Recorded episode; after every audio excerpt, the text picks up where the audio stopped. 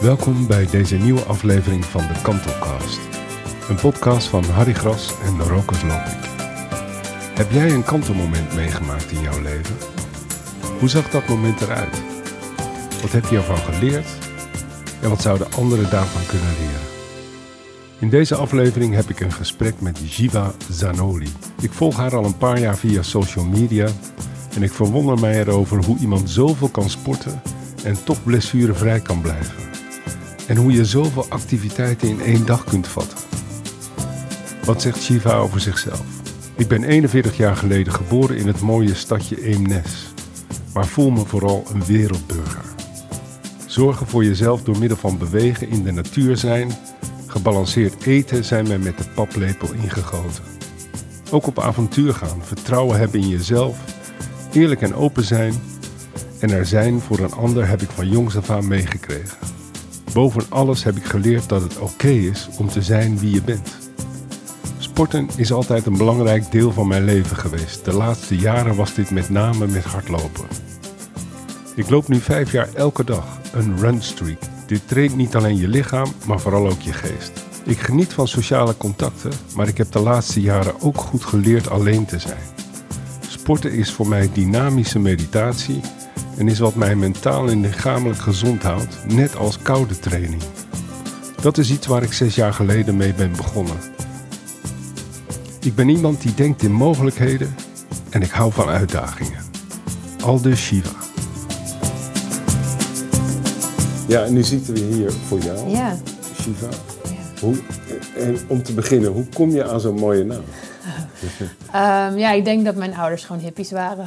Oh ja? dus eh, ja, Ja. dus Shiva was eh, vandaar de Hindoestaanse god met alle armen. Ja, Dus eh, ja en Ja. de god van? ehm, ja, het is eigenlijk de tegenstellingen. Het is zeg maar yin-yang, dus zowel van de destruction, dus zeg maar eerst alles plat maken en daarna weer de wederopbouw. Dus dat, Hmm. Ja. dat ja. ja, maar dit is een mooie, ja. Is dat een soort leidmotief voor jou in je leven? Nee, maar ik denk wel dat het me goed past. Tenminste, ik weet niet of ik zo dest- destructief ben per se. Nee. Maar eh, een beetje alles of niets, of eh, weet je, dat past misschien wel Ik bij volg me. je wel, maar dat zie ik er niet echt in Nee. terug. Anders dan dat je je lichaam misschien... eh, Ja, nou, ik denk, Ja. ja, daar, dat hoor ik natuurlijk wel van mensen pas je wel op en beweging. Ja. Maar ik denk dat ik heel goed eh, aanvoel hoe mijn lichaam is. En dat is juist waarom ik ook eigenlijk nooit, ik even afkloppen, maar ja, nooit blessures heb en dat soort dingen. je hebt nooit blessures. Oh. Ja, hoe doe je dat? Je, heb je gewoon een sterk gestel? Of, eh, Ik denk dat dat zeker meespeelt. Dat ik gewoon eh, wel hoge belastbaarheid heb. Maar dat ook heb opgebouwd door, door al vanaf jongs af aan... Nou, altijd wel met sporten bezig te, geweest te zijn. Ja, dat ik ook wel redelijk in touch ben met mijn lichaam. Dat is ik, door je hippie-ouders ingeseind? Van, you gotta move? Nee, weet ik niet. Ik ben altijd wel, ja, wel bewegelijk, zeg maar. ja, want je geweest. zijn hippie-ouders. Waar, waar heb je dat... eh, hoe, hoe zie je dat aan jouw ouders? Oh, Dragen ze... Nou, nu niet meer. Woodstock-kleding, Nee, vroeger wel. En een camperbusje en dan heel Europa door. En mijn vader die blode zich drie slagen in de ronde. Oh, en, ja. eh, ja, ja. Ja, en eh, ja, die, is, die is denk ik tot op de dag van vandaag. Hij is nu bijna 85. Nog steeds wel... eh, Hij is bijna 50. hij is bijna 85. 85, oh, ik ja, al zeggen. Nee, 85. Want dan heeft hij de Woodstock-periode wel bewust meegemaakt. Ja, ja, ja. Dat was voor hun eh, hoogtijdagen Ja, waarschijnlijk. ja, dus, maar vooral mijn vader hoor. Mijn moeder die is, iets, eh, die is een beetje meege, Ja. Is hij er ook geweest of niet? Dat weet ik eigenlijk niet. Ik denk Nee. het niet. Nee, Nee. durf ik niet te zeggen. Ja. En wat krijg je dan mee van die ouders? Nou, ik denk... Als het over lifestyle gaat. En, want ik zal zeggen, Ja. Mhm. ik bedoel, als ik jou volg, dan, dan denk ik alleen maar naar die, die eh, elke minuut, die, dat, je haalt er van alles uit. Ja. En meer dan de gemiddelde mens, zeg maar. ja, ik weet niet of ik dat per se van ouders heb, maar ik geloof wel heel erg erin dat, eh, nou ja, een beetje leven zonder spijt. Gewoon alles doen wat je kan doen op dit moment. Wie weet stap je morgen wel eh, voor een bus. Je weet het niet per ongeluk, hè? Niet expres. Maar eh, Maar hoe oud ben je? ik ben 44. Ja, en wanneer is dat besef ingedaald dat het vandaag voorbij kan zijn? Dus I'll better get the best, make the best out of it. Ehm, ik denk dat het een beetje begonnen is toen ik... Ik was toen denk ik een jaar of 21. Nou, misschien al wel jonger. Ik had, toen ik 16 was, uh, heeft een uh, goede vriend van mij suïcide gepleegd. Dat is ook de reden geweest waarom ik denk ik uiteindelijk in de psychiatrie ben beland. Als, uh, ja. als, um, toen eerst had ik wel echt iets van, nou, ik ga in de, in de psychiatrie werken en ik ga, ik ga het verschil maken. nou, Um. Nou, dat weten we niet. Komen we zo nog op. Um, en toen was ik uh, een jaar of 21 en toen had ik al mijn school wel afgemaakt. En, uh, en was ik al een tijdje aan het werk uh, op Julianahoort, ook neuropsychiatrie. En toen dacht ik echt een beetje, is, is dit het nou? Ik ben 21 en dan moet ik nog, nou ja, toen was het misschien 50 jaar of zo ja. werken. En toen zag ik een uh, krantenartikeltje in, ik weet niet wel of de Volkskrant of zo. En daar was heel klein over um, dat er uh, twee Nederlandse, uh, van Nederlands gezin, die wilden naar Amerika. Die gingen bij, in Boston voor een periode aan Harvard lesgeven. En die wilden een au pair meenemen voor hun twee kinderen van toen. Hm. Ik geloof dat ze, moet ik het even goed zeggen, zeven en negen waren. En op een of andere manier riep dat mij. Die zei, oh, dat ben ik. Dat wist ik gewoon. En toen heb ik gereageerd. En toen werd ik inderdaad uh, au pair in Boston. En vanaf dat moment heb ik een beetje gedacht... ja, maar er is nog zoveel meer in het leven. Dus toen... En hoe lang heb je dat gedaan? Dat was voor een half jaar. Half jaar. En uh, na, na dat half jaar dacht ik eigenlijk van ja, maar ik had op dat moment een vriendje en, uh, en eigenlijk terugkeergarantie naar mijn baan. En toen bedacht ik daar van ja, maar dat wil ik eigenlijk niet. Dus toen heb ik uh, de baan opgezegd, mijn vriendje opgezegd. en toen heb ik, moest ik wel terug naar Nederland, want mijn visum hield op. Maar toen heb ik nog geregeld dat ik uiteindelijk nog acht maanden in New York heb kunnen zitten. Wow. Ja, ik moest ook heel erg huilen toen ik daar, daar weg moest. Maar, uh, en hoe oud was je toen? Ja, dat was een beetje tussen mijn 21ste en mijn 23ste, zeg maar. Ik moest af en toe dan tussendoor ik, uh, terug naar huis, omdat ik uh, had een work-and-travel visa vanuit die au pair-tijd. Dat was een multiple entrance. Dus de tweede keer lukte dat goed. Dus ik ging toen een half jaar als een soort van live-in housekeeper had ik geregeld bij iemand waarvan iedereen dacht... ja, die gaat je opsluiten in de kelder, daar kom je nooit meer van uit. maar dat, dat viel alles mee. Ja, dat was, uh, Wildwestverhalen, ja. Ja, nou ja, dat, dat, was ook wel een beetje spannend. Want het was iemand die ik dan ja, een soort van online had gevonden. En die zocht een uh, uh, ja, live-in housekeeper, zeg maar. Dus ja. dan moest ik het huis schoonmaken en koken ja. tegen gratis kosten in de woning. Dus het was ook wel, een beetje spannend. maar ik vond mezelf, ik was heel overtuigd van mezelf. Ah ja, nee, als het niks is, ben ik zo weer terug. En ik viel het mee? Ik, was het een aardig persoon? Ja, ja, ja. ja. ik weet nog dat ik uit de trein kwam en ik het toch wel erg spannend vond. Ja. En ik had hem nog nooit gezien, alleen een keer over de telefoon gesproken. Lijkt me ook, ja. En, uh, maar toen was hij een hele kleine Italiaan. En toen dacht ik, het enige wat ik dacht, oh, maar die kan ik hebben als hij vervelend doet. maar, maar ja, hij heeft nooit vervelend gedaan. Hij was een hele aardige jongen. Ja. Dus uh, ja, voor jongen, ja, was het 30 of zo. Ja, behoorlijk wat geld, dus hij uh, verveelde zich. Oké, okay, maar je, je, de, de vraag was, uh, waar is dat ingedaald? Nou ja, daar alles uit leven halen daar? Ja, ja. Dat, ik, dat je daar dus eigenlijk veel meer is dan...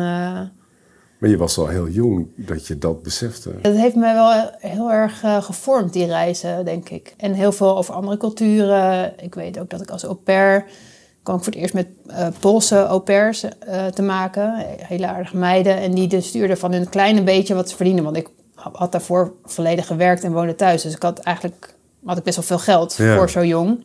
En daar had ik ineens, ik weet het niet meer, ik geloof ik 200 dollar kreeg per maand en kosten inwoning. Nou, dat was natuurlijk helemaal niks. Kun je in New York of Boston niet echt dat van rondkomen? Dat is vrij weinig, ja. En uh, nou ja, die meiden die stuurden daar de helft nog van naar huis, omdat er thuis geen geld was. En ja. dat heeft mij ook wel erg toen beseffen, ja, wow. ga jij even lopen klagen zeg, anders. Ja, precies, ja. Weet je wel? Ja. Dus ja, door met andere, andere culturen, andere mensen aanraking te komen, dacht ik, ja... Dan word je een wereldburger. Hè, ja, ja, zo voel ik me ook wel. Ja, voel je ook zo? Ja, ja. Ik, uh, ja dat voelt wel zo. Want je reist ook veel? Uh, niet zoveel als ik zou willen, maar ik probeer wel uh, wat van de wereld te zien. Ja. Die, die naam, Shiva, dat hebben we gehad. Maar Zanoli, wat, wat, de roots van je ouders, waar liggen die? Ehm, ik heb mijn moeders achternaam. Dus mijn moet ik het goed zeggen? Ik denk mijn overgrootopa, die is vanuit uh, Ticino, dat is uh, Cordivio, het Italiaanse gedeelte van Zwitserland, ja. naar Nederland gekomen. Okay. En het verhaal gaat dat hij over de, de, de bergen heen naar Nederland is gelopen. Echt, ja? Ja, dat is, ik weet niet of het waar is, maar dat is het verhaal. Mooi verhaal. Ja, en Ja. dus het lijkt mij heel leuk om ooit eh, die reis een soort van terug te maken als een soort eh, Ja, terug naar eh, waar je oors- oorspronkelijk vandaan heel komt. mooi gebied. Ja. Echt prachtig, ja. Ja. Ja. Dus, eh, Hey, en je rol in dat vakteam, we hoppen van het een naar het Ja, ander, maar ik beloof je aan het eind komt het bij elkaar. Want wat is je professie eigenlijk in dit vakteam? Eh, ik ben hier eh 24 uur als IPS-begeleider. Dus dat is eh, individuele plaatsing en steun. Of individual, individual placement en support. Ja. Daar komt het officieel volgens mij uit Amerika ook vandaan. Ja, klopt, ja. En dat is, eh, ja, als mensen een wens naar werk of school hebben, dan eh, mag ik ze daarbij helpen. Ja, Ja. mooi. Lukt het? Gaat het goed? Ja, dat gaat best wel Gaat best aardig. goed, ja, ja. ik, ik geloof dat het eh, best wel aardig gaat. Ja. Ja, la- Belangrijk voor het herstel. Hè? Dat heel iets te doen belangrijk. heeft. Ja. Ja, ik vind het echt super mooi dat. ehm, nou ja, de methodiek is zo dat ze zeggen. Eigenlijk is het voor iedereen als je maar een motivatie hebt. Dus je kan nog zo psychotisch zijn of depressief of noem het. Het maakt niet uit. Als jij een wil hebt om er wat mee te gaan doen, dan, dan kunnen we aan de slag. Zeg maar. Dat is interessant, want hoe, hoe initieer jij de wil bij mensen om iets te gaan doen? Ik kan me voorstellen, tenminste, ik kom uit jouw wereld natuurlijk. Ja. Ik weet dat heel veel mensen de hoop hebben verloren op een werkzaam bestaan. Ja, nou, ik denk dat het deels is, eh, want het komt niet altijd bij mij vandaan, want ik zie niet iedereen, zeg maar. Dus het gaat ook bij andere behandelaren die dan iemand spreken die ja, op een gegeven moment uit van, oh, ik zou misschien wel willen Iets werken. Ja. Eh, om wat voor reden dan ook. Soms is het financiële prikkel, of soms is het toch om eh, wat terug te kunnen doen in de maatschappij, of het idee dat het, nou ja, wat voor reden dan ook. En dan ga ik eigenlijk gewoon met ze praten. Ja. Om eerst erachter te komen van, eh, ja, hoe gemotiveerd ben je eigenlijk? Ja. dat is het enige wat, wat nodig is. En wil je werken, als je zeg maar nu een baan voor je zou hebben, zou je dan nu al willen werken? Of is het iets wat je denkt, ja, nee, dat wil ik wel, maar over een jaar? ja. Ehm, En betekent dat dat je hier een kaartenbak hebt met banen? voor nee, mensen? Want- nee. Ja. Officieel bij IPS is het wel zo dat je een netwerk hebt in je regio. En dus ook elke week vier uur acquisitie zou moeten plegen. ja. Ik vind dat zelf best wel veel verloren tijd. Omdat ik er al best wel snel achter kwam. Ja, ik kan dan bijvoorbeeld eh, bij een ICT-bedrijf of bij de HEMA of Ja. zeg maar wat gaan, gaan praten. En kijken van, goh, hè, als ik iemand met een afstand naar de arbeidsmarkt heb... zou je dan interesse hebben om iemand aan te nemen? Zou je iemand een kans willen bieden? ja. En dan moet je dat warm houden, dus dat kost veel energie om daar elke keer weer gesprekken te gaan hebben. Maar vervolgens heb ik iemand die helemaal niet bij de HEMA of in de ICT wil werken. ja. Dus ja, ik ga veel gerichter Dan zit je kijken. met een baan die je niet in kunt vullen. Ja, precies. Ja. En, en daar gaat wel heel veel tijd en, eh, en energie in zitten. Dus wat ik vooral doe is gerichte acquisitie. Als ik met iemand gesproken heb, Ja. nou ja, gewoon kijken nou wat iemand wil en wat voor bedrijf. En, eh, ja, leuk. Dus Ja. je hebt... Ja, het lijkt me een goede baan. ja, het is heel Anders dan op een zeg maar, afdeling werken of heel langdurig mensen begeleiden. Ja. Dat, dat, dat doe je waarschijnlijk niet. Het zijn- Ja, ook. Toch wel? Ja, Ja. want ik ben, ik ben acht uur eh, medebehandelaar in het vak. Dus ik doe, omdat ik alle andere levensgebieden ook interessant vind. En Ja. ook vooral beleefstijl eh, wel ingevlogen wordt. Maar ook een beetje manetje van alles. Ik vind het altijd wel leuk om eh, overal een beetje tegen, Ja, ja, te bemoeien. En je hebt je, die rol heb je jezelf aangemeten en je krijgt ook de ruimte. Ja, ja, heel mooi. erg. Ja. Dat vind ik heel fijn. Die vrijheid, dat vind ik echt super belangrijk in mijn leven überhaupt. Maar ook eh, in het werk. Ja, dus Kan ook niet anders met zo'n agenda zoals jij die hebt, Nee. volgens mij. Ja, en toch... Hoe ik doe weet- je dat? Ja. Dat was ook een vraag natuurlijk. En ik zie jou 's ochtends vroeg, 's avonds laat. Ik weet niet wat je allemaal doet. Ja, ik denk dat ik sowieso veel energie heb. Hoe, Dat- hoeveel uur slaap je per nacht? Gewoon acht. Toch wel? Ja hoor, ja, over Ja. het algemeen wel. Soms meer, soms iets minder, maar Ja. ja, nee, slapen kan ik heel goed. Ja, ik denk dat druk zijn een perceptie is en dat de ene het ook eerder vindt druk te zijn dan de ander. Ik, heb, ja, ik vind eigenlijk ook alles wat ik doe leuk, meeste. Dat scheelt. En ik heb niet zo gauw het gevoel dat ik druk ben. En ik denk al, ja, ik stel, ik zit dan ook nog steeds heel veel op de bank, op mijn social media, veel te veel. en dan denk ik, ja, dan zeggen mensen, oh, ik heb geen tijd om te sporten. Ik denk, nou, daar snap ik dus helemaal niks van. Ja. Het, het is misschien Ja. geen prioriteit en dat is ook prima als je dat niet wil. Ja. Maar ik geloof niet dat je geen tijd hebt, eerlijk gezegd. Nee, dat geloof ik ook niet. Ja. Maar ja, ik weet niet eh, of jij het weet, maar eh 80% van Nederland kijkt 3,5 uur tv per dag. Ja. Of meer. Ja, ja. En Dat is je drieënhalf uur waarin je wat anders had kunnen Daarom. doen. Bijvoorbeeld hardlopen. Bijvoorbeeld een half uurtje even wandelen. Dat hoeft niet eens Ja. eh, zo heel fanatiek te zijn. Ja, precies. Ja. Ja, nee, de- en dan nog los van je schermtijd überhaupt. Ik schrik er zelf af en toe ook nog steeds dood van Ja, dat ik op mijn als je telefoon, telefoon zit. aangeeft. Ja, is niet eh, normaal. Je hebt ja. twee uur per dag. Ja. Ja, ik heb zit wel verder boven hoor. Ja, ook Ja. nog. Hey. Even terugkomend op die vriend, hè, toen je... Hij was 21, hè, vertelde je. Of was Ik jij, was 21, Jij was hij 21, was, want eh, hij ook pleegde suïcide. was een Oh, goede vriend van Nee, jou. nee, ik was 16 toen. 16. Ja, ja, ja. En hij was 21. Eh, ja, Ja. ja. Want is dat... Deze, Mijn podcast gaat over kantelmomenten. Nou, dit is er wel één, ja zeker. Ja. Want eh, hoe verhielden jullie je tot elkaar? Wat was hij van jou? Ja, hij was gewoon een, een vriend uit Ja. de buurt, zeg maar. Ehm, ja, het was in een periode, ik was denk ik 14, toen was ik eigenlijk best wel gewoon een, een vervelende puber. Maar echt wel vervelend. Veel spijbelen, blowen. ehm, Af en toe is wat winkeldiefstal, nooit, ge- nooit gepakt. maar, Ja. maar gewoon echt, echt wel een vervelende puber met mezelf in de knoop. Ja, En eh, hij was ook eh, met zichzelf in de knoop, zeg maar. Dus eh, ja, wij hingen nog wel eens wat samen, zeg maar. ja, En eh, ik denk dat ik een jaar of... Ja, ik denk dat hij trouwens jonger was. Ik denk dat hij 18 was. Het is alweer zo'n tijd terug. Ehm, hij zou, als ik het goed eh, heb onthouden, zou hij naar, ehm, uitgezonden worden naar Joegoslavië toen. Dat wilde hij ook graag, maar dat gaf natuurlijk ook een heel, heleboel spanning. ja. En zoals ik het eh, heb begrepen, eh, is hij, heeft hij iets van paddo's of iets gebruikt... waardoor hij in een trip is blijven hangen. Mm, En vanuit psychose opgenomen geweest. Ja. En uiteindelijk veel, heel veel pillen. En wat ik begreep was hij vooral heel ongelukkig dat hij zo onderdrukt werd en niks kon voelen. En hij heeft toen besloten dat hij daar een einde aan eh, moest maken. wauw. Ja. Eigenlijk getraumatiseerd door zijn opname en medicatiegebruik. Ja, ik, ik heb op dat moment, en daar heb ik altijd wel me schuldig over gevoeld. Ik was 15, 16 toen dit eh, gebeurde. En hij ging me dan bellen en, en met wel best wel psychotische uitspraken. En ik begreep daar helemaal niks van. Dus Nee. ik, en ik vond het ook een beetje spannend. En, dus ik heb toen, toen een beetje afstand van genomen. En in dat jaar is hij, heeft hij toen suïcide. Dus ik weet niet precies hoe dat is geweest. Ja. En, en heeft het je bepaalde inzichten gegeven toen dat gebeurde? Ehm, Ben je gestopt met blowen bijvoorbeeld? Ja, dat, wel, ja, dat ben ik wel. Niet om die reden, maar Nee. ja, niet meteen daarna ook. Maar ik ben wel, eh, wel gestopt met blowen. Meer Ja. omdat ik dacht van, eh, ja... Ik, ik heb altijd periodes dat ik iets doe. En dan best wel fanatiek ook, zeg maar. Ja. En dan op een gegeven moment denk ik, oh ja, ik heb het alweer gehad. En dan Oké. En weer tijd voor iets nieuws, zeg maar. Heb je een natuurlijke aanleg voor verslavingen? Ik denk dat je dat zou kunnen zeggen. Alleen ik ben ook wel heel gedisciplineerd. Dus op een gegeven moment beslis ik iets van... nou, dit is, eh, het gaat nu, Nu is het genoeg geweest. genoeg. Dan kan ik er ook wel goed mee stoppen. Ja. En ik denk dat het tot op heden... want ik denk dat je dan ook een beetje neigt naar hardlopen als verslaving. Of Nou ja, bijvoorbeeld, kan ja. Eh, Denk ik dat als je gaat naar wat... Ze zeggen dat het heel verslavend is. Ja, nou, Dat, dat, dat ben ik er wel mee eens. Ik denk alleen dat de verslaving, als je dat gaat omschrijven wat dat is... dan is het ook dat het schade berokkent aan jezelf of een ander... Ja, En ik denk dat dat niet het geval is. nee. Dus dan is het dan een verslaving. Misschien. Maar ik- ja, ik denk dat het vooral iets heel goeds voor mij... eh, Ik ga je nog wel een gekke vraag stellen misschien. Misschien raak je daardoor in verlegenheid, weet ik Oh. ook niet, kan.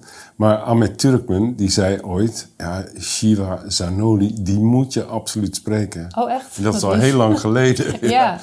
Maar waarom denk je dat hij dat gezegd heeft? Oh, Ahmed. Ik, ja, ik, waarom heeft hij dat gezegd? Ik weet niet. Ik, we hebben samen de social run. Ik ken hem sowieso vanuit Ja. eh, hier de regio.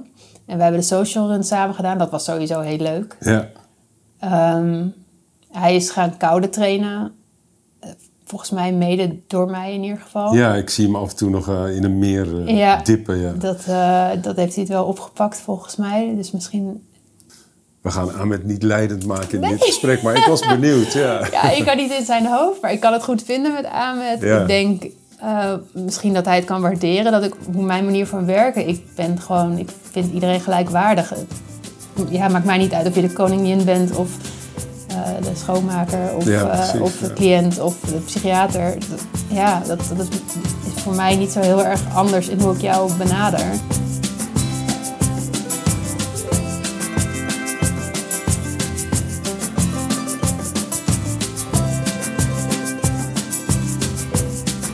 Eh, heb ook in Nieuw-Zeeland gewoond, 4,5 jaar. Daar was ik getrouwd met een Kiwi Nieuw-Zeelander. Oké. Ehm, ik denk dat eh, het kantelmoment daar ook heel groot was. Ik ben toen gescheiden, best wel vervelende scheiding. Ook in mijn eentje teruggekomen met een kindje van nog net geen drie. Ja, want je hebt een kind. Ja, Ja, Die ja. zie ik ook af en toe voorbij ja, die is ondertussen Ja. 16. Dus dat was En een nieuwe vriend. En een nieuwe vriend, Ja. ja. Ja, ook alweer 12 jaar of zo. Ja, dus dat, eh, maar dat was wel een, een pittige periode uit mijn leven. In die zin, ja, je komt, ineens ben je alleenstaande moeder, eh, verdriet van een scheiding. Ehm, Ja. ik kom, als je in Nederland komt na zoveel jaar weg geweest zijn, heb je eigenlijk nergens meer recht op. Eh, dus ik heb heel veel moeten verhuizen. Ehm, Hm. Nou ja, veel gedoe geweest, zeg maar. Ja. En dat is een pittige periode geweest, maar het heeft me ook heel sterk gemaakt, zeg maar. In die zin, denk ik, heb ik wel een soort van daaruit meegenomen. Ehm, ja, het maakt niet uit wat je, wat je naar me gooit. Ik kan het, kan het aan of Ik zo. kan het aan. Ja. Dus dat heeft me wel heel, ja, een Ja, soort van... Jij eh, drijft altijd boven. ja, Ja. ja, ja, en- nou, meer dan dat. Ik denk dat, dat ik... eh, en ik geloof ook heel erg dat dingen gebeuren met een reden, zeg maar. Ja. Dus het was natuurlijk een hele vervelende eh, situatie. ja, want zie je die man nog? Die, met wie je... Nou, hij woont daar nog steeds. Ja. Het is een, een Nieuw-Zeelander. Maar je bent hier met ook zijn kind. Ja, Ja. ja. Hoe gaat dat? Hoe gaat zoiets? Ja, dat is eh, heel lastig. Want ehm, los van dat hij misschien niet zo'n goede man was, zeg maar, voor mij in die zin. Als, als, al niet in van dat, dat hij me sloeg of zo, maar gewoon als wat je elkaar belooft als je gaat trouwen. Mhm. Was hij op zich wel een goede vader. Ja. Dus dat was wel eh, ingewikkeld. Maar hij heeft heel snel een nieuw gezin eh, gekregen nadat wij weg waren. Ja. Eh, maar ik heb het gelukkig wel altijd los kunnen zien van eh, hoe, hoe stom ik hem ook vond op dat moment. Eh, dat ik het wel belangrijk vond dat hij in zoverre nog contact met zijn kind had. Ja. Want dat staat los van mij. En Dat En heeft hij dat nog? Ja, in zoverre mogelijk natuurlijk. Want het is heel lastig als je aan de andere Lange kant van de wereld eh, eh, woont. ja. Maar we deden wel, eh, nou, gelukkig in deze tijd heb je Skypen en eh, Ja, WhatsApp. WhatsApp eh, En hoe beeldbellen. vaak doe, doe je dat dan? Nou, nu, nu ben ik daar tussenuit, want mijn kind is ondertussen 16. Ja, die kan het zelf. Ja, die kan het zelf. En toen hij jonger was, was dat best wel in het begin vooral dat ik dacht van, oh, ik heb echt helemaal geen zin om jou te praten. Maar Nee. goed, daar, eh, ja, ik heb gelukkig, gelukkig wel het vermogen om dan te denken, ja, dat, is niet in mijn belang. Het is, niet, Nee, weet je, het is voor mijn kind en dat, is veel dat is het belangrijker. belangrijkste. Ja. Dus ja, hoe vaak, dat was heel wisselend. Je zit ook met een tijds, eh, hoe noem je dat? Dus tijdzones die, eh, die Ja. heel lastig zijn. Want je zit vaak met 12, soms 10 uur verschil. Eh, werk, nou ja, gedoe. Maar Ja. het- het streven was elke week, maar dat lukte lang niet altijd. En het werd een beetje één keer in de drie, vier weken, denk ik. Ja. Ja, en op een gegeven moment eh, een mobiele telefoon voor mijn kind toen hij een jaar of twaalf was. Van, nou, dan ga ik er tussenuit. Misschien lukt het dan beter als het eh, samen. Maar Ja. ja, dat, ik laat het toch een beetje bij hun nu. Ja. Maar ik moet zeggen, hij doet wel een soort van zijn best. Door, hij betaalt gewoon braaf zijn alimentatie. Dus dat is sowieso fijn. Ja. Eh, en hij probeert eh, elke twee jaar of zo eh, eh, te komen. Oké. Dus dat, dat doet Oh, hij ook dat is wel. bijzonder, ja. Ja. Het is niet, eh, ik ben één keer naar Sydney gevlogen. Nee, het is echt een end. Ja, wow, ja, ja, dan weet je wel dat je aan het eind van de wereld staat. Ja, je bent twee keer twee dagen eigenlijk aan het reizen. Los van dat het heel veel geld kost. En dan moet, nou ja, ja toch minimum. Hij komt meestal 2,5 week, drie weken. Ja. Ja. dat is, je hebt in Nieuw-Zeeland niet zo heel veel vakantiedagen als in Nederland. Dus dat is best wel eh, Nee. een investering. Ja, Dus, en wat ik zeg, hij is echt wel een goede vader. In die zin, zoverre dat gaat vanuit daar. ja, En eh, ja, ik, ik heb ook voor mezelf, zeg maar, die, ik was heel boos. En dat is eigenlijk de eerste keer dat hij kwam, heb ik al gezegd, ja, weet je, ik snap nog steeds niet waarom je gedaan hebt wat je hebt gedaan, maar in zoverre vergeef ik je.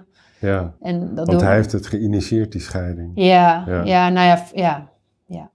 Ja. Dus eh, er was van alles gebeurd wat gewoon niet, eh, wat je niet doet als je getrouwd bent. naar Hij had iemand anders. Onder andere. Ja, Ja, ja. Dus, eh, Is dat gebruikelijk in Nieuw-Zeeland? Nou, zover ik weet niet. Nee, nee, Nee. nee. Dus nee, ik was toen ik daarachter kwam, was ik binnen zes weken in Nederland, zeg maar. Oh ja? Ja, ik was dat. dat was Wauw, wel, dat ja. is ook rigoureus eigenlijk.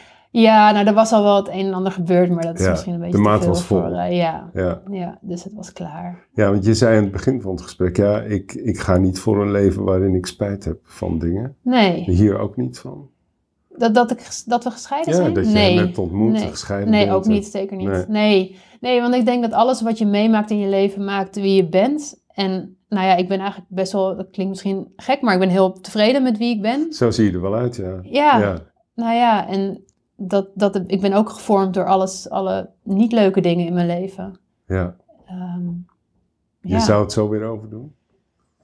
Ah, ja, dat is lastig. En ja, als ik het niet overzie, dan zou ik mijn kind ook niet hebben en zo. En ik Ja. ben, het is prima. ik Ja, wil dat mijn leven. lullige vraag. hè? Ja, nee, ik wil mijn leven sowieso niet overdoen. Er is eigenlijk niks wat ik zeg. Ja, zou ik het nu nog een keer doen, zoiets? Dat weet ik niet. Ja. Ik- maar ik heb nergens spijt van, nee. Gelukkig. Ja, ja, ja.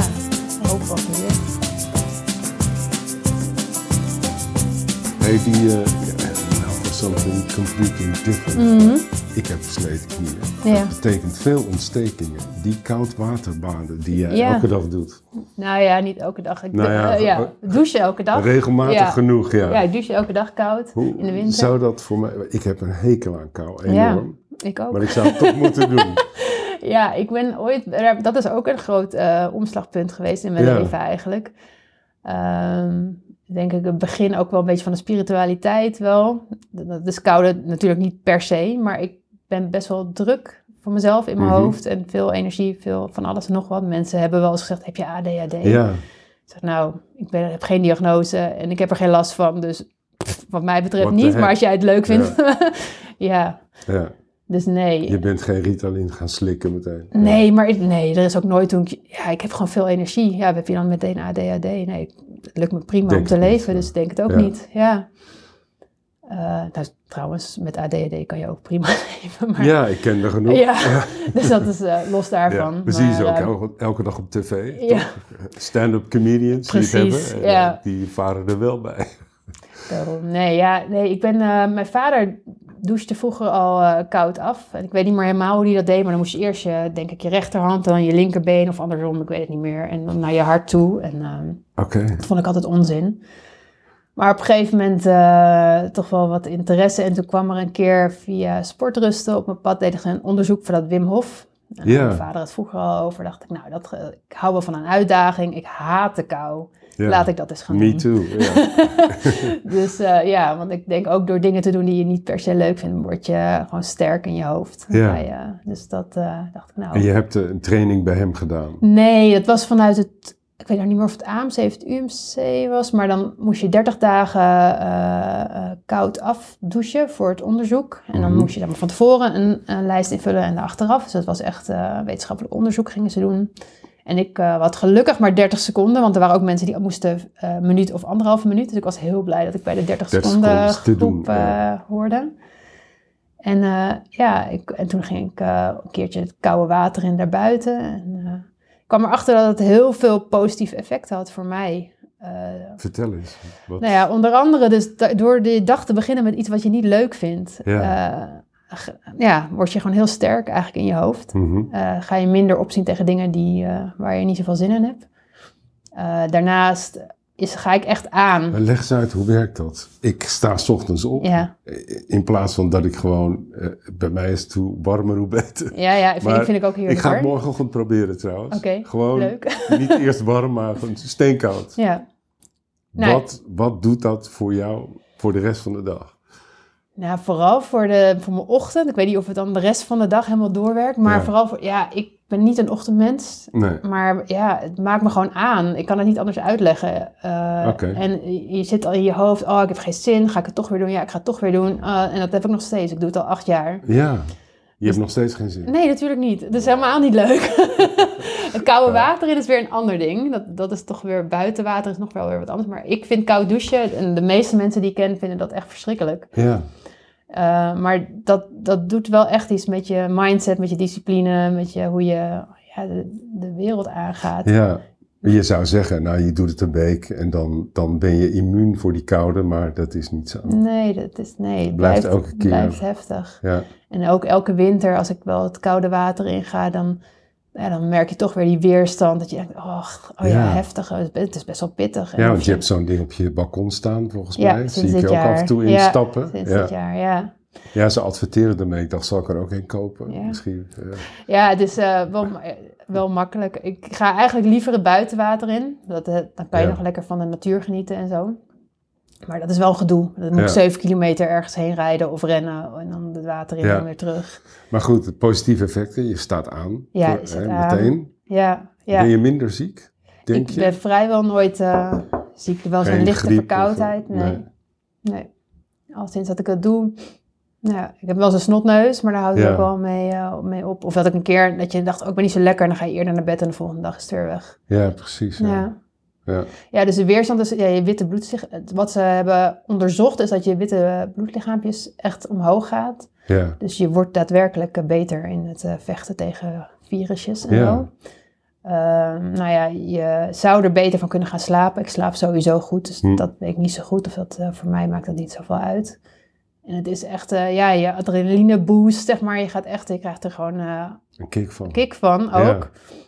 Eh, ik denk dat het ook, ik weet niet of dat echt bewezen is, maar dat je huid in eerste instantie in ieder geval, ik weet niet of dat nu nog effect heeft, maar wat, wat strakker wordt. Wat, eh, Ja. eh, ja, Ja, ik geloof het. gaan toch even aan Ja, precies, ja. trekken. Je spant van alles aan wat je normaal gesproken niet Ja, doet. en je gaat op den duur beter tegen de kou kunnen, want het maakt in principe, als je dat regelmatig doet, ga je bruin vet aanmaken. Dat zit in principe tussen je schouderbladen. Ja.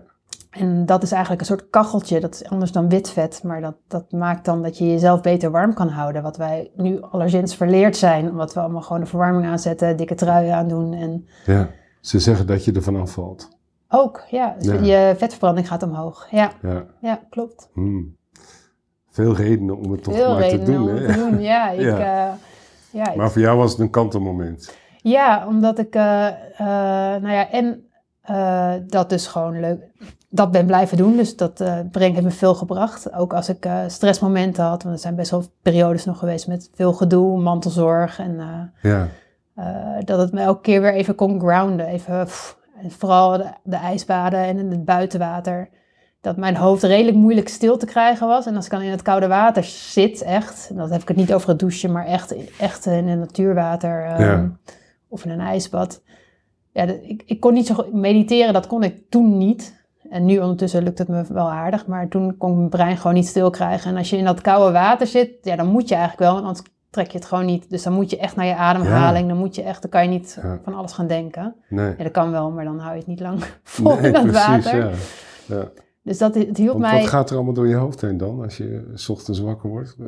Schiet het door elkaar in van. Ja, nu is het niet meer zo heel erg, maar het was gewoon al, ja, ik was gewoon altijd met dingen bezig. Hm. En aan het denken over wat ik nog al ging doen. En eh, Ja, ja, dat, tegenwoordig kan ik dat veel beter. Kan ook, yoga heeft me veel gebracht. Ja, ik, ik, ik vind gewoon dat, ik heb allerlei tools gevonden, waaronder yoga, maar onder ook hardlopen. Mijn vader zegt er altijd over van, het is, eh, ehm, hoe heet het?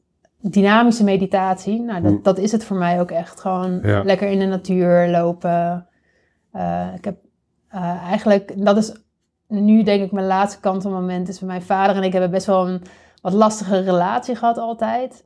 Ehm, ik kon al heel goed zien op, toen ik wat ouder was van ja, ik kon wel bedenken waar dat vandaan komt. Lastige jeugd ook voor hem gehad. ja. Maar ja, daar heb je als kind niet zo'n boodschap aan, zeg maar. Nee, dat hij je was er... een opstandige puber, zei je al aan het begin. Ik- ja, ja, ik was een opstandige puber, maar toen was mijn vader al uit huis tegen die tijd. Hm.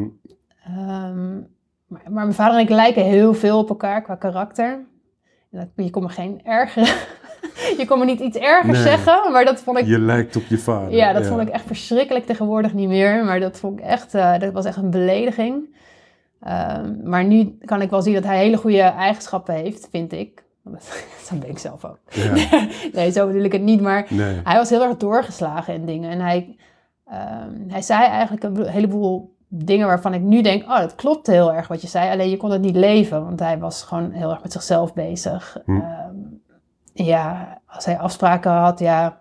eh, dan moest ik hem altijd maar even bellen of het wel door kon gaan. Want misschien ging hij wel, had hij wel andere dingen te doen. En dat kon dan gitaar spelen met een vriend op het strand. Dat kon dan belangrijker zijn dan Ja, ja. de afspraak Ja, met, Je met kon jou. niet echt op hem vertrouwen. Nee, absoluut niet. Nee. Nee, daar kon er niet op Nee. rekenen.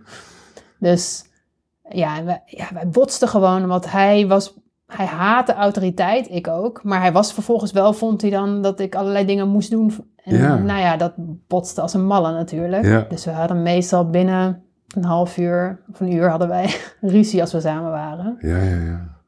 En toen ik wat ouder werd, kon ik daar beter mee omgaan. Dan kon ik gewoon zeggen, pap, als je nu zo doet, dan ga ik weg. En dan kon hij meestal wel gewoon een switch maken, omdat hij niet wilde dat ik wegging. Ja, ja, ja. Oké. Dus hij luisterde uiteindelijk wel. Uiteindelijk En wel. hoe En nu, oud moest je worden om dat te bereiken? ik denk dat dat eh, ja, misschien al wel een beetje toen ik terugkwam uit Amerika, maar ik ben toen een tijd weg geweest ook. Dus ik ben eigenlijk 6,5 jaar niet in Nederland geweest, dus zag ik hem ook niet veel. Zag ik niemand veel. Ja, Eh, maar vooral toen ik terugkwam, dus nu 13 jaar, dat dat wel een stuk beter, eh, ja, beter is gegaan. En ik denk ook, ja, hij zei altijd heel veel dingen over ademhaling, wat hij me eigenlijk door de strot duwde, vond ik. ja. En waar ik nu heel erg denk, oh, maar Heel je had wel bij, gelijk. Ja, Ja. echt, echt super Ja. baat bij. Eh, en dat het heel erg gaat over doorvoelen van je emoties en, en hoeveel dat oplost. Dus zo, hè, in je trauma's en alle ellende die eruit voortkomt. ja. Dat mensen maar niet bij hun gevoel willen zijn. Omdat Ja. het veel te eng is, want straks kan ik het niet aan. En denk ja, je, pas, je kan al zo, zoveel aan. Dat kan je ook echt heus wel aan. ja, Ehm, ja. maar ja, ik geloof dat adem, hij zei altijd: adem is de sleutel tot het leven. En eerst dacht ik al, bla bla. en nu denk ik, ja, je hebt wel gelijk. Ja. dus dat is wel. ehm, Ja, ik weet nog dat ik jou belde met de vraag om, om een keer een gesprek met elkaar te hebben. ja. En toen stelde ik ook die, ehm, die vraag die je eigenlijk helemaal niet hoort te stellen. Maar goed, ik stel hem toch. Toen eh, verdien je veel geld met wat je doet, met het hardlopen. Kan je het nog herinneren? Ja. Krijg je sponsorgeld Ja. of hoe, zit- hoe kan dat? Hoe kan jij dit doen, gecombineerd met een baan? En toen zei ja, dat vind ik eigenlijk helemaal niet interessant. Nee. Nee. Het, maar goed, je zei net, nou, misschien zou ik op termijn, de droom zou kunnen zijn, ik zou voor mezelf kunnen werken. Ja, en dan ook niet voor het geld. Want dat Nee. dus eh, wel dat ik moet kunnen leven natuurlijk. Ja, Eh, maar je bent een rolmodel. Ja, maar ik dat. denk dat er, ik zie heel hoeveel mensen reageren op jouw post. Mm, Nou, dat is beduidend veel meer dan bij mij hoor. en eh, dat zijn honderden mensen die, voor wie jij klaarblijkelijk eh, iets doet wat ze aanspreekt. Ja, nou ja, en dat ik hoop dat ik dan een klein verschil mag helpen maken bij mensen, vooral als inspiratie of motivatie. Ja, Maar ik heb nog nooit, ja, maar ik weet ook niet, ik heb nog nooit de, de ehm, voor mezelf de wens gehad om rijk te zijn of om. Tuurlijk is het lekker als je iets, iets financieel iets ruimer zit en ik mag echt niet klagen hoor, want ik ben gewoon een goede middenmotor denk ik. ja, Maar ehm, tuurlijk is het dus lekker als je iets nergens meer over hoeft na te denken. Ik kan me voorstellen dat het fijn is. Maar het is, ja, dat is niet echt heel belangrijk voor mij. Zoals nu is Nee. het prima. Als het iets meer is, zou het ook leuk zijn. Maar ja. dat is echt niet mijn wens. Ik vind het veel Ja. belangrijker dat ik gewoon leuke dingen kan blijven doen. En ja, dat er misschien... Ik hoop dat, er, ja, dat ik andere mensen ook wat gelukkiger in hun leven mogen zijn. En dat ik daar aan mag bijdragen, vind ik alleen maar super mooi. Dus dat vind ik... En ja. ik denk als ik iets meer voor mezelf zou kunnen doen, dat ik daar iets meer ruimte voor heb. Al heb ik hier heel veel ruimte hoor. En ik, weet ook niet of ik hier weg zou willen, want ik vind het ook heel belangrijk dat de mensen die ik hier kan zien, ja, dat ik daar ook misschien wat in kan betekenen. Want ja. die hebben. Je bent heel bescheiden. Ik denk dat het zo is. Maar, Nou ja, Ja. ik vind het, ja. ja, Nou ja, en ik hoop dat als ik voor mezelf kan werken, ja, dat, dan moeten mensen dan over het algemeen zelf gaan betalen. En dat zal de doelgroep vanuit het vak drempel, waarschijnlijk ja. niet kunnen. ja, De meeste, dat is een beetje generaliserend, maar er zijn heel veel mensen die toch hè, van een uitkering eh, moeten rondkomen. Nou, je zou kunnen leven zoals veel eh, bekende TED-talkers en eh, mensen die in het bedrijfsleven zitten. Is gewoon voor- 50% van je tijd heel veel geld verdienen, zodat je 50% alles voor niks Ja, kan dat doen. zou mooi zijn. Ja, Nou, Dat was mijn ondernemersdroom ooit. Ja, Hè? Dus, ja. ja. Ja. dus bij, de een vraag je meer in de hoop dat je, bedoel, als je twee maand salaris in één maand kan verdienen, kan je maand alles voor niks doen. Nee, dat is waar. Ja, en als, Ja. dat, als ik dat nog eh, kan vinden, dan zou dat heel leuk zijn. Ja. Maar ja, ik, wat- daar ben ik misschien ook niet zo goed in. In, in dingen Nee. vragen of financiële... Ja. Ja. Ben ik nog iets vergeten te vragen, Shiva? Is er nog iets waarvan je zegt, nou, dat, ja, dat moet echt wel gezegd worden? Eh, wanneer heb je genoeg van Nederland? Want je houdt van reizen. Wanneer ga je weer weg? Ja, nou ja, ik ben dus omdat ik dus met mijn kind eh, eh, alleen kwam te Ja. staan, eh, is dat, laat ik zo zeggen, ik was nooit van plan om echt moeder te worden per se. Mijn ex wilde dat heel graag en ik ben nu heel blij dat ik moeder ben hoor, los daarvan. Ja. Maar dat heeft wel hoe ik bedacht dat ik zou gaan leven eh, veranderd. Ja, ja, zeker. Ja. En eh, ik vind het heel belangrijk om zo goed mogelijk een moeder te zijn. Ik geloof dat je je kinderen altijd trauma's bezorgt. De kunst is om het zo, zo min Ja, mogelijk te doen ja, om het te beperken. zeg maar, om het zo goed mogelijk. Ja, je kan het toch nooit eh, perfect doen. Maar ik, ja, hij is nu 16 en ehm, ik probeer nu in ieder geval te doen wat ik kan door kleine, kleine avontuurtjes te doen. Voornamelijk binnen Europa en dat Ja, daar ben ik heel blij van, ook gewoon in Nederland. En eh, hij gaat over twee jaar studeren. Waarschijnlijk, nou ja, hij twijfelt nu tussen de TU Delft, als dat lukt. Maar hij had het er nu ook over om naar Nieuw-Zeeland te gaan. Nou, daar heb ik altijd rekening mee gehouden dat dat Terug naar Was- zijn vader, ja. ja, Hmm. en dat is heel logisch. Daar liggen zijn roots ook. Hij is er geboren. Hij is half Nieuw-Zeelander. Dus dat was ooit waar ik het meest verdrietig om was toen ik net Ja. ging scheiden. ja. Maar ik kan het er niet anders dan begrijpen, want ik ben zelf reislustig. En ja, dat vind ik vooral heel pijnlijk voor hem dat hij altijd gaat moeten kiezen tussen Ja. daar en hier. ja. Ehm, en ah, nou ja, wat ik zeg, alle alles, alles heeft zijn voor- en zijn nadelen. Dus dit zou, vind ik, ik ga hem natuurlijk heel erg missen als hij daarheen gaat. Ja, het is een wezenlijk scenario. Hè? Nou ja, Had dat- ik ja. niet eens aan gedacht. maar- Ja, dat, eh, en als het niet nu is, dan gaat hij er op een gegeven moment wel een tijd heen. En dat is ook meer Ja. dan logisch. Dat Ja, is precies. ook Misschien gezond. dat hij er niet gaat wonen, maar eh, in zijn tussenjaren. Ja. ja. Dus ik heb, voor me, ja, ik heb voor mezelf al als 13 jaar bedacht, als hij dat gaat doen, dan ga ik in ieder geval ook weer, en dan is het nog een beetje afhankelijk met mijn vriend, want die is niet zo reislustig, Nee? hoe we dat gaan doen. En of we dat dan deels apart gaan doen. Of, maar ik ga sowieso wel weer reizen. Ja. Ja, mijn broertje woont in El Salvador, dus daar ga ik misschien nog wel een tijdje heen. Of dat ik dan toch nog wat langer naar Nieuw-Zeeland weer even ga om Ja. deels online werken. Ik weet het niet, er zijn allerlei scenario's ja. mogelijk. De Zwitserse bergen over naar Zwitserse Italië. Ja, dat wil, ik- ga ik sowieso doen. Ja. Ja, dat is wel echt, eh, Ja. ja. Leuk om een microfoontje mee te nemen en het op te nemen. Wat Ja. je dan meemaakt. En jij hebt zo'n soort avontuur gedaan Ja, natuurlijk. nee, Dus, naar eh, eh, Santiago. Ja. ja. was mooi. Ja. Alleen dat heb ik niet, daar heb ik geen podcast van gemaakt. Nee, Ik heb het wel opgeschreven. Ja. ja, dus dat, eh, ja, dat wil ik als een eigen soort van. Of ik het ga delen, weet ik dan nog niet, maar Ja, dat bedevaart. eh, ja. ja, dat lijkt me wel wat. Zes Ja. weken of zo. ja. Nou, heel erg bedankt. Jij ik begrijp bedankt. wel waarom Ahmed zei dat ik jou moest spreken. Je bent een bijzondere vrouw met eh ongelooflijke drive eh, om dingen te doen. En dan ook nog eens met jezelf heel erg bezig te zijn. Je gezondheid. En, ja, leuk. En, eh, en ontzettend leuk hoe je dat deelt. Ik denk dat dat voor veel mensen, eh, dat ze dat op het goede spoor zetten. Om misschien ook meer te gaan doen in plaats van niks doen. Ja, ja. Je bent, uiteindelijk moet je het allerlangste met jezelf zijn. Ja. Dus je kan maar beter een beetje goed voor jezelf zorgen. Dat lijkt me een mooie afsluiter. Dankjewel. Dankjewel.